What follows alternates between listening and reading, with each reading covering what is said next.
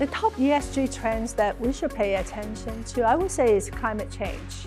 With the strong support and interest from the policymakers, the consumers, and also the investor, climate change remains a key focus and within the sustainable investing.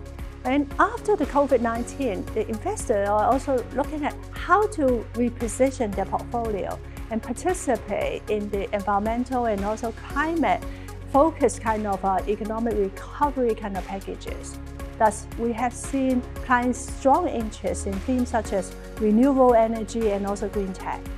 Having said that, the pandemic has also heightened the clients' interest in social issue and also the related investment uh, themes such as the health tech and the resilient supply chains. We are very confident in the long-term prospect for the sustainable investing. Uh, I think the best is to hear from the voice of the client. And last year, we did a uh, survey with the family offices uh, clients.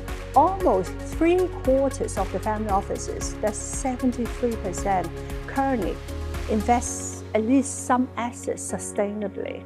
And also, nearly two-fifths, and that's 39% of the family offices, plan to allocate most of their portfolio sustainably in five years' time.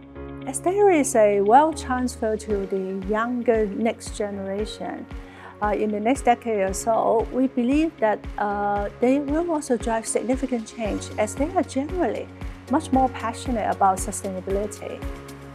And we see that some of them also start to reposition the family business with much stronger emphasis on sustainability and also innovation in order to be seen as leader and also attract the new investors.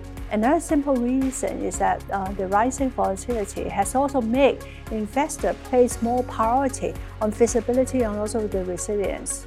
With the robust evidence supporting the performance of sustainable investment, more investors are also here to diversify their portfolio and to improve uh, the risk management. No doubt, ESG is a real game changer in the financial industry and is here to stay.